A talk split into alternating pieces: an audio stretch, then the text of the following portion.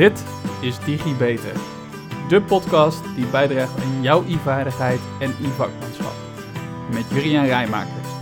Hey allemaal en welkom bij weer een nieuwe DigiBeter. Wij genereren allemaal data. Waar je ook bent, je genereert continu data. Je doet dit met zaken als je betaalkaart of je smartphone, je klantenkaart of je overchipkaart. Het zijn data over locatie, waar je koopt, wat je leuk vindt, waar je woont of waar je graag komt. En al deze data worden verzameld en opgeslagen door veelal de grote organisaties die je wel kent, zoals Google, Microsoft, Samsung, Ahold. En die reizen met ons mee. En meestal gebeurt uh, de opslag van deze data in de cloud. En hier kunnen we nog wel een keertje op terugkomen. Maar voor vandaag gaan we het hebben over data. Goed, het muziekje zou hier ergens ten einde moeten komen.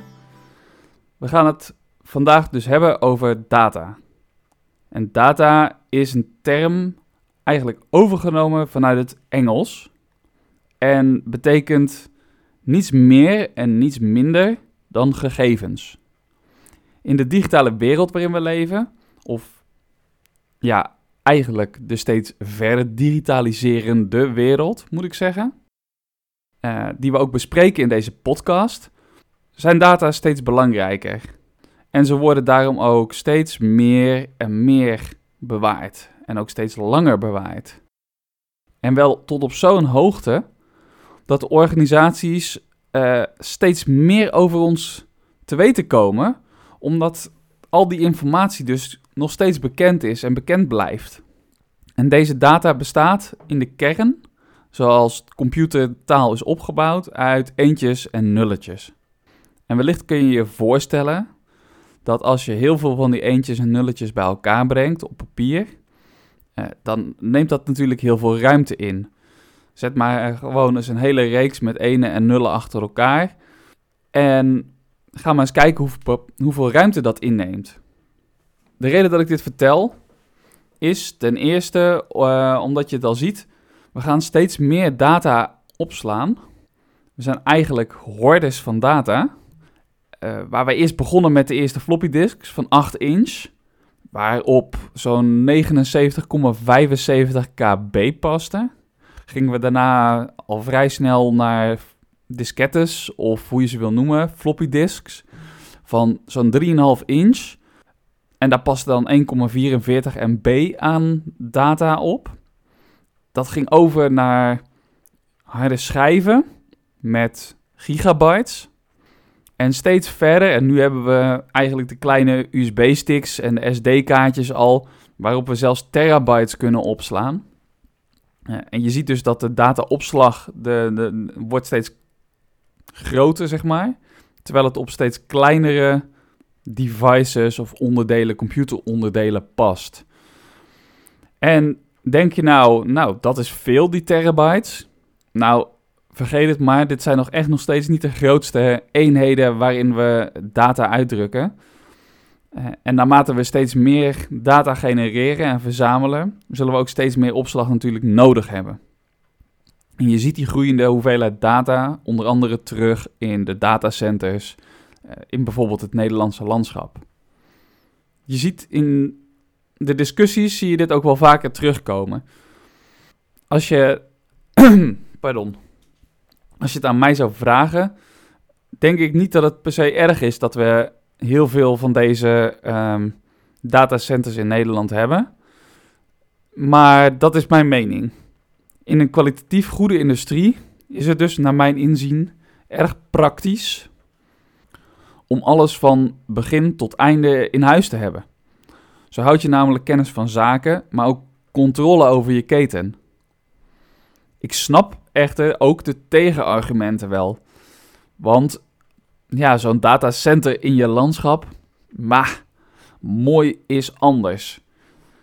Althans, dat ligt er natuurlijk ook weer een beetje aan hoe je zo'n centrum eruit laat zien. Als je hem helemaal groen aankleedt en daar planten tegenaan laat groeien, uh, dan is het misschien alweer een stukje beter te integreren in een landschap.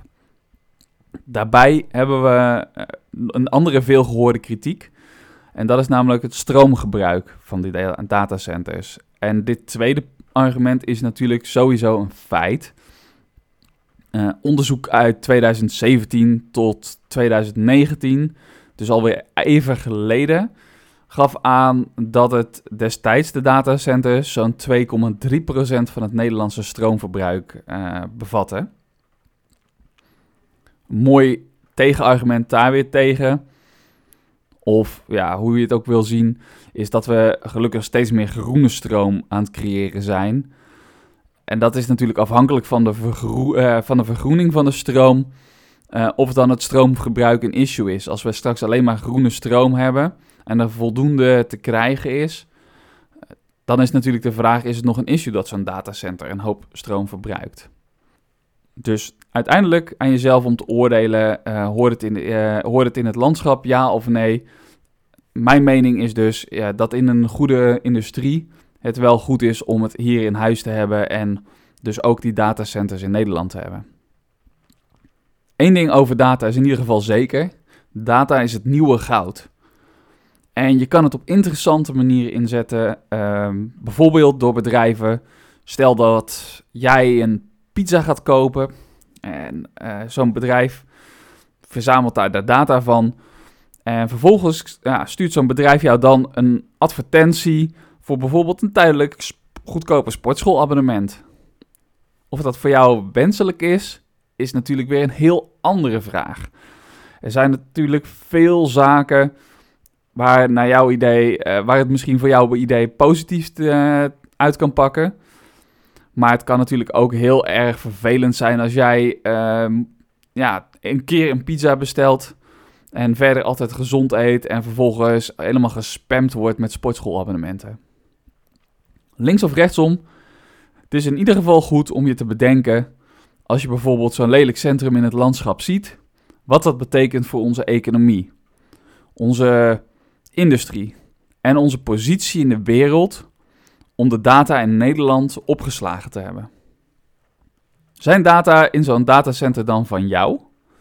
Nou, dat kan ik niet bevestigen, want jij bezit ze tenslotte niet. Ze zijn verzameld.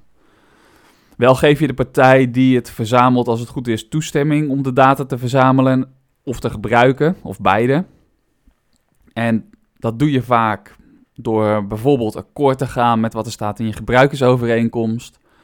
Of door, uh, stel dat je een kortingskaart gekregen hebt, uh, de kortingskaart te gebruiken. En als we dan een voorbeeld pakken met bijvoorbeeld de Albert Heijn bonuskaart, nou, dan kun je misschien wel eens bedenken, Albert Heijn die verzamelt natuurlijk alle informatie die, uh, van de boodschappen die je koopt, in ruil voor die extra bonuskorting. En dan kun je denken, nou, ik heb een anonieme bonuskaart. Dus ja, wat, uh, wat wilde Albert Heijn nou van mij weten? Maar als je jezelf dan eens af gaat vragen hoe vaak je al betaald hebt met je pinpas nadat je direct nadat je je bonuskaart gescand hebt. Dat is wel interessant om eens na te gaan. Die combinatie geeft namelijk al wel meer informatie dan enkel de boodschappen die je gedaan hebt. Dus zo word je eh, in plaats van alleen het nummer op je bonuskaart, word je in één keer een nummer gecombineerd met een rekeningnummer. En ik durf zo eigenlijk niet zo te zeggen of dat mag, maar ik kan me voorstellen dat dat gebeurt. En stel nou dat je ook nog eens een account hebt bij bol.com. En daar wel geregistreerd staat natuurlijk met je gegevens en ook je rekeningnummer. Nou, dan kan het zomaar zijn dat je in één keer helemaal niet meer zo anoniem bent als dat je gedacht had. Want als je die gegevens combineert, 1 en 1 is 2, dan uh, weet in één keer Ahold als overkoepelende organisatie veel meer van jou dan dat jij denkt dat ze weten. En Ahold is daarin natuurlijk niet uniek. Uh, eigenlijk heel veel organisaties, services, diensten werken op die manier. Zoveel mogelijk het verzamelen en combineren van data. Gaan eerst data eens wat verder uitleggen. We kennen twee vormen van data. Dat is gestructureerde data en ongestructureerde data. Je spreekt van gestructureerde data als je je gegevens netjes geordend, gerubriceerd hebt, zoals boeken in je boekenkast. En hiermee eh, dus eenvoudig te vinden zijn. Ze zijn eenvoudig te traceren in systemen, in databases. Je vindt je eh, kennis, de, de, de verzamelde gegevens, vind je snel terug. Het is belangrijk, uh, ja, als je kijkt naar systemen, dan zul je zien dat dat bijvoorbeeld in een uh, eh, ERP of een CRM-systeem uh, zit. Dat is netjes gerubriceerd, heel erg gestructureerd. En de naam mag je wat mij betreft heel snel weer vergeten. ERP-systemen, CRM-systemen, ja, whatever. Onthoud vooral goed gestructureerde data. Dit is namelijk de data waarmee jij aan de slag kan. Als je bijvoorbeeld beleidsmaker bent of als je uh, in reclamecampagnes bezig gaat met data die uh, gestructureerd is. Nou, het kan jou helpen om te bepalen welke richtingen interessant zijn. Ik zei het al, je hebt nog een vorm, dat is namelijk ongestructureerde data. Dit is data die nog verstopt zit. Dit zijn bijvoorbeeld tekstbestanden, documenten, berichten zoals WhatsApp of Signal, uh, beeld of geluid. Je kan je voorstellen dat daar, zoals hier in deze podcast, heel veel tekst in zit, gesproken, soms videobeelden. Uh, maar dat is natuurlijk niet heel eenvoudig te analyseren. Dit is niet gerubriceerd. Het is niet zomaar in vakjes te stoppen, al deze uh, data. Sinds het ontstaan van het internet groeit die hoeveelheid data eigenlijk explosief. Op het moment uh, is dit zo'n 40 zettabytes per jaar. En dan zeg je misschien, ja, 40 zettabytes. Ja, dat is dus weer een overtreffende trap van al die uh, megabytes en terabytes. Dus 40 zettabytes. En 40 zettabytes is een uh, 4 met 16 nullen. Ofwel 40.000 biljoen. Probeer je dan maar eens te bedenken hoeveel eentjes en nulletjes dat bij elkaar zijn. Als je gaat googlen op uh, Data Never Sleeps, kom je op een website met veel leuke feitjes hierover. Zo zie je bijvoorbeeld dat 90% van de data op het internet vandaag de dag gecreëerd is in de afgelopen twee jaar. Dus dat is echt, echt heel veel. Het is niet heel verwonderlijk overigens als je denkt aan de coronatijd, waarbij we ook bijvoorbeeld met onze Zoom-calls allemaal extra data gegenereerd hebben. De Reddit-feeds, Netflix-streams, Instagram-posts, maar ook ads op Spotify enzovoort enzovoort. Als je dan uh, nog een keertje gaat kijken naar, naar die website en bijvoorbeeld inzoomt op één zo'n dienst, bijvoorbeeld kijkend naar Spotify, dan zie je dat elke minuut van de dag er zo'n 28 liedjes worden toegevoegd aan de Spotify-bibliotheek. Dat is natuurlijk, als je dat gaat bedenken, meer muziek dan dat je ooit zal kunnen luisteren. En de grootste toename in data in de afgelopen jaren zit hem, zoals je je misschien al aan de hand van het voorgaande kon concluderen, in de ongestructureerde data. Over gestructureerde data en ongestructureerde data denk ik zeker dat ik in de toekomst nog een keer een extra podcast ga maken. Uh, hopelijk met uh, tegen die tijd een expert die daarover kan aanschuiven. Um, om jullie daar nog meer in diepte kennis van te geven. Wat je daar nou precies mee kan. Maar voor nu, de, de grote pool van data, die ongestructureerde data, die noemen we big data. Een groot zwembad vol met data. Naast de gestructureerde en ongestructureerde data wil ik graag nog twee vormen toevoegen. Dat zijn namelijk uh, ja, variaties daarop, die daar in de gestructureerde data en ongestructureerde data zitten. Dat is namelijk dynamische en statische data. En de naam die verraadt het misschien al een beetje. Dynamisch zegt uh, dat het in beweging is. Dynamische data zijn dus data in beweging. Ze zijn actueel en worden bijvoorbeeld gebruikt in je bedrijfsprocessen van vandaag en morgen of tijdens je studie. De data die op dat moment gegenereerd wordt. Het zijn data die worden toegepast uh, voor bijvoorbeeld het verwerken van uh, een bestelling, zoals een paspoortaanvraag of een rijbewijs. Dan hebben we statische data en statische data staan vast. Die kunnen dus niet meer veranderen. Deze data geven je de kans, hè, die stellen je in staat om terug te kijken op uh, historie, om analyses te doen. Het is dus eigenlijk geschiedenis. Uh, om, om aan te tonen, je kan het bijvoorbeeld gebruiken om aan te tonen dat je voldoet aan je wettelijke verplichtingen. En ik wil daarvan even een praktisch voorbeeld proberen te geven. Dan even nadenken. Het, laten, laten we het doen rondom je persoonlijke financiën. Elke dag geef je geld uit en er komt hopelijk ook geld binnen. Ja, dat is dynamisch. Dit is continu in beweging. Je saldo kan op dat moment eigenlijk, hè, kan dus veranderen. Maar op een bepaald moment heb je natuurlijk je geld uitgegeven, is er geld binnengekomen, maar de tijd is verstreken. En wat er verstreken is, daar kun je geen invloed meer op uitoefenen. Het geld wat uitgegeven is, heb je uitgegeven. Het geld wat binnen is gekomen, is binnengekomen en het staat vast. Op een bepaald moment moet je belastingaangifte doen. En dat doe je over die vaststaande data. Met de aangifte kijk je dus terug op die historische data naar een bepaalde periode, zoals een kwartaal, een half jaar, een jaar. En je ziet precies wat er is binnengekomen en uitgegaan en het kan niet meer worden gewijzigd. Het zijn historische, vaststaande gegevens, je kijkt erop terug en ze kunnen niet meer worden gewijzigd. Je doet er je aangifte op en die aangifte is eigenlijk ook weer een, een, nieuwe vorm van data die je creëert. En er worden analyses op gedaan door bijvoorbeeld op die, op die gegevens die je hebt, die vaststaande data, door banken. Dus bijvoorbeeld als zij willen weten wat eh, de waarde is van alle tegoeden op, uh, op een bank. Nou, noem maar op. Er zijn heel veel mogelijkheden, heel veel kanten waarop we kunnen denken uh, met die vaststaande data. Die data heeft, als het goed is, een hele mooie structuur. Want ja, je bankgegevens netjes geordend, datum, tijd, uh, ingaand, uitgaand, jouw naam, en het, uh, jouw naam is eraan gekoppeld. Nou, stel je nu eens voor dat we alle geld op een grote hoop gooien aan het einde van het jaar. We weten niet meer wat het is, we weten niet meer van wie het is, op welke bank het staat, uh, alleen maar geld. kortom, alle structuur gaat, ja, alle structuur is weg. En het terugkijken en doen van analyses op deze grote berg met data is natuurlijk dan een stuk moeilijker.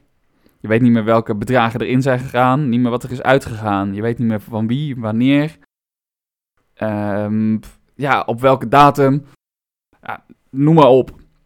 Ja, hoe, hoe kun je dan nog gestructureerd een aangifte doen? En hoe controleer je dan of er iets nog klopt?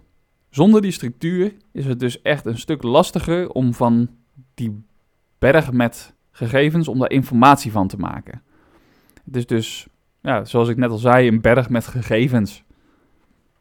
Zonder die berg met gegevens structuur te geven, um, even kijken, is het dus lastig om wat te doen met al die data. Het is nog geen informatie waar je op kan sturen. Of die je eenvoudig terug kan vinden als je bijvoorbeeld een uh, wet, WOO hebt, dus wel wet open overheid, of voormalig WOP-verzoek krijgt. Of als je de, ja, iets anders mee wil doen. Zodra je aan die data betekenis wil gaan, uh, wil gaan geven, dus uh, je gaat betekenis toevoegen, je gaat samenhang toevoegen aan die data, uh, verminder je de onwetendheid. Je vermindert onzekerheid en je vermindert onbepaaldheid. Dus onwetendheid, onzekerheid, onbepaaldheid. En je vergroot de vindbaarheid. In die berg met data kun je in één keer bepaalde data makkelijker terugvinden.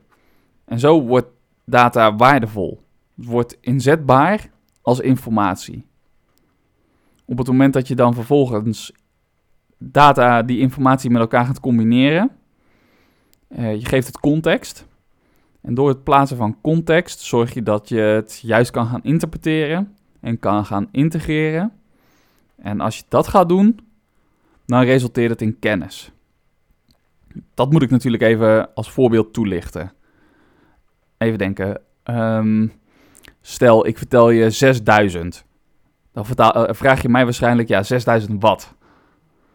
Je wil weten, je wilt dat ik je onzekerheid ga verminderen. En ik vertel je nou, de vraag is 6000 stuks. De vraag is 6000 stuks. Ah, denk je nu. Er wordt dus ergens 6000 stuks van gevraagd. En waarschijnlijk moet ik dat gaan verzorgen. Ik heb dus data toegevoegd die die 6000 betekenis hebben gegeven. Nu ga ik deze informatie ga ik combineren met nieuwe informatie. Namelijk, uh, ik geef je daarbij aan dat het beschikbaar aantal stuks is 5500. Nou, deze twee dingen kun je met elkaar verbinden.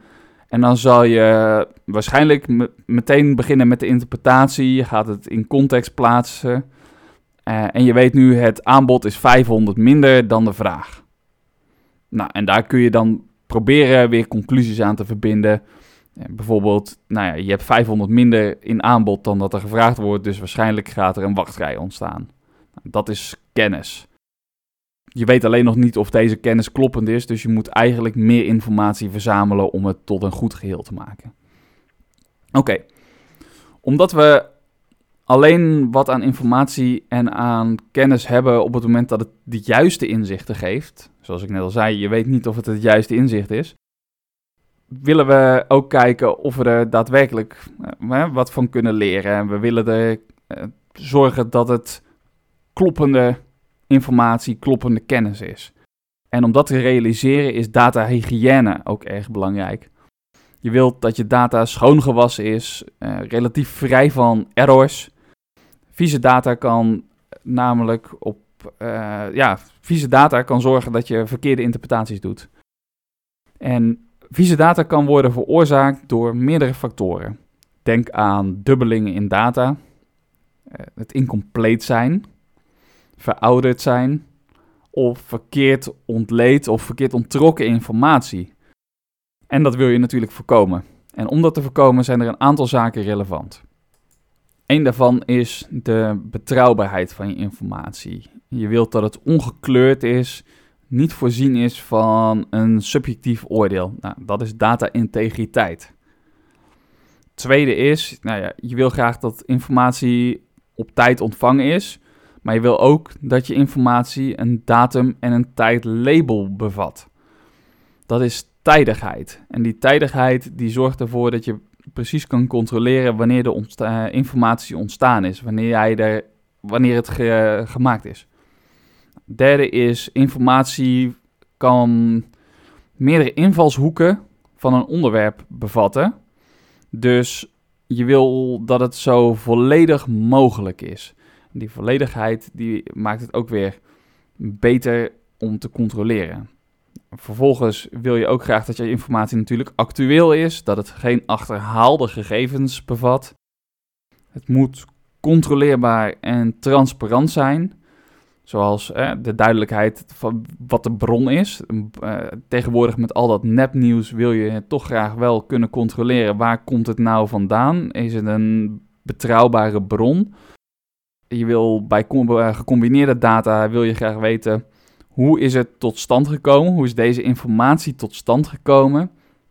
Je moet dus altijd kunnen uitleggen waarom een bepaalde uitkomst op die manier tot stand gekomen is. Nou, vervolgens is het natuurlijk ook handig dat als je de informatie wil noemen, dat het relevant is. Het moet relevant zijn voor jou als ontvanger. Want is het anders informatie? Nee, want je kan er niks mee. Dus vervolgens heb je natuurlijk ook nog de punten waar we allemaal naar kijken, ook als we naar producten kijken. En dat is kwaliteit en kwantiteit. Je sluit de informatie aan op de eisen van je ontvanger. Uh, betreft het informatie, uh, nou, hoeveel informatie is het? Betreft het informatie, of betreft het informatie over hoeveelheden? Dat kan natuurlijk ook nog. Nou, vervolgens is tot slot ook belangrijk dat het eerlijk is. Het geeft een correcte, evenwichtige weergave van de werkelijkheid. Als je data combineert tot nieuwe informatie, wil je natuurlijk wel dat dit daadwerkelijk een afspiegeling is van de werkelijkheid. Het moet ook accuraat zijn. Ook wel hè, nauwkeurig genoemd. Als je data combineert tot nieuwe informatie, moet je dit gedaan hebben door de juiste verbanden te leggen.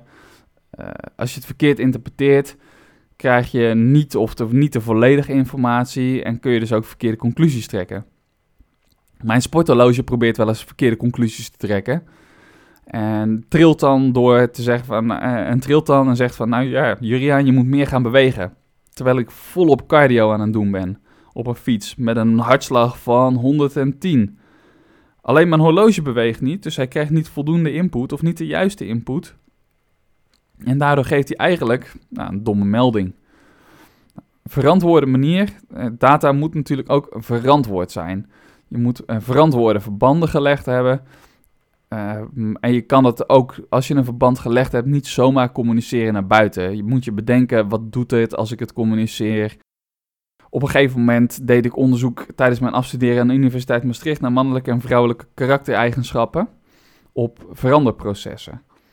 En soms wil je graag verbanden zien, natuurlijk. Zeker, hè? ik ben een onderzoek aan het doen, dus ik wil graag wat aan kunnen tonen. Uh, maar kun je die, die verbanden helemaal niet leggen, omdat je de informatie die je dan gaat combineren niet in die context onderzocht hebt. Dus dit voorbeeld slaat eigenlijk een beetje op alle uh, bovengaande punten, uh, of eerder genoemde punten die ik heb gemaakt. Hè. Dus je moet het buiten beschouwing laten wat je mag gebruiken, wat je kan communiceren. Ik kan proberen een verband te leggen wat bijvoorbeeld heel interessant is, maar waarbij het niet past binnen de normen en waarden. Je, moet je dus ook wel goed afvragen of het ethisch is. Een ander voorbeeld bijvoorbeeld, net dat kleine voorbeeldje van mijn studie, uh, is in Amerika. Was er op een gegeven moment een vrouw en die kreeg allemaal advertenties van en producten rondom de zwangerschap door analyse op data die zij gegenereerd had op, onder, eh, op internet, was namelijk met vrij grote zekerheid ontdekt dat zij zwanger was. En ze wist het helemaal zelf nog niet.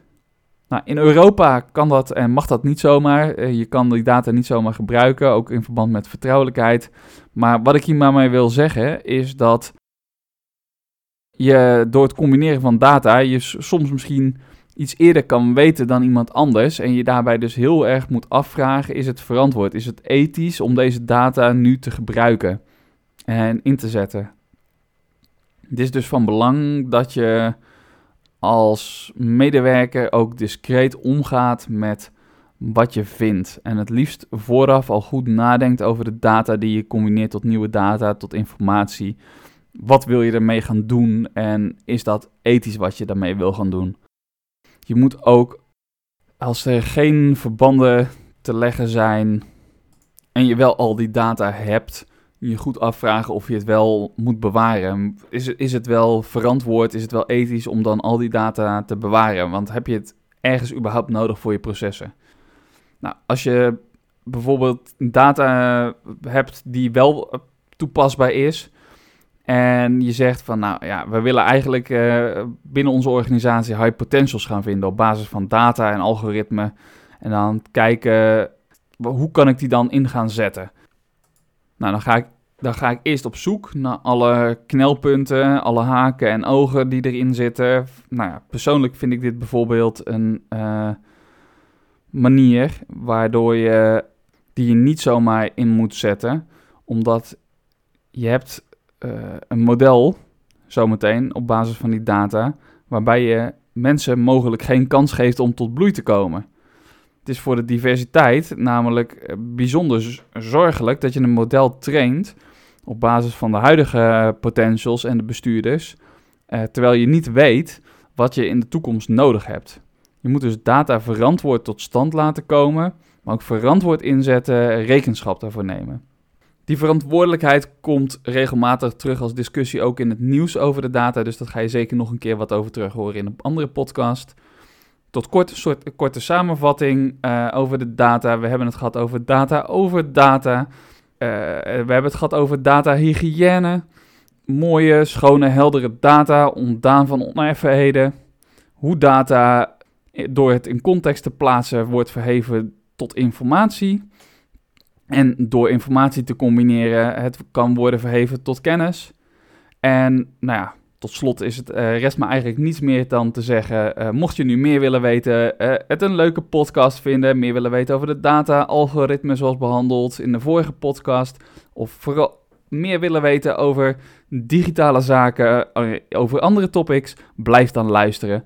Like, deel, volg deze podcast, deel het met vrienden, collega's, kennissen. Heb je onjuistheden gehoord? Heb je zelf een suggestie voor een onderwerp? Feedback over wat er beter kan? Of wil je gewoon laten weten dat je het heel erg leuk vond? Laat dan een berichtje achter op LinkedIn of onder deze podcast. En ben jij of ken jij een expert op een bepaald onderwerp en wil je graag een bijdrage leveren, uh, zodat de luisteraars van Digita Beter nog meer digitale kennis op kunnen doen, dan hoor ik het ook graag. Blijf vooral luisteren.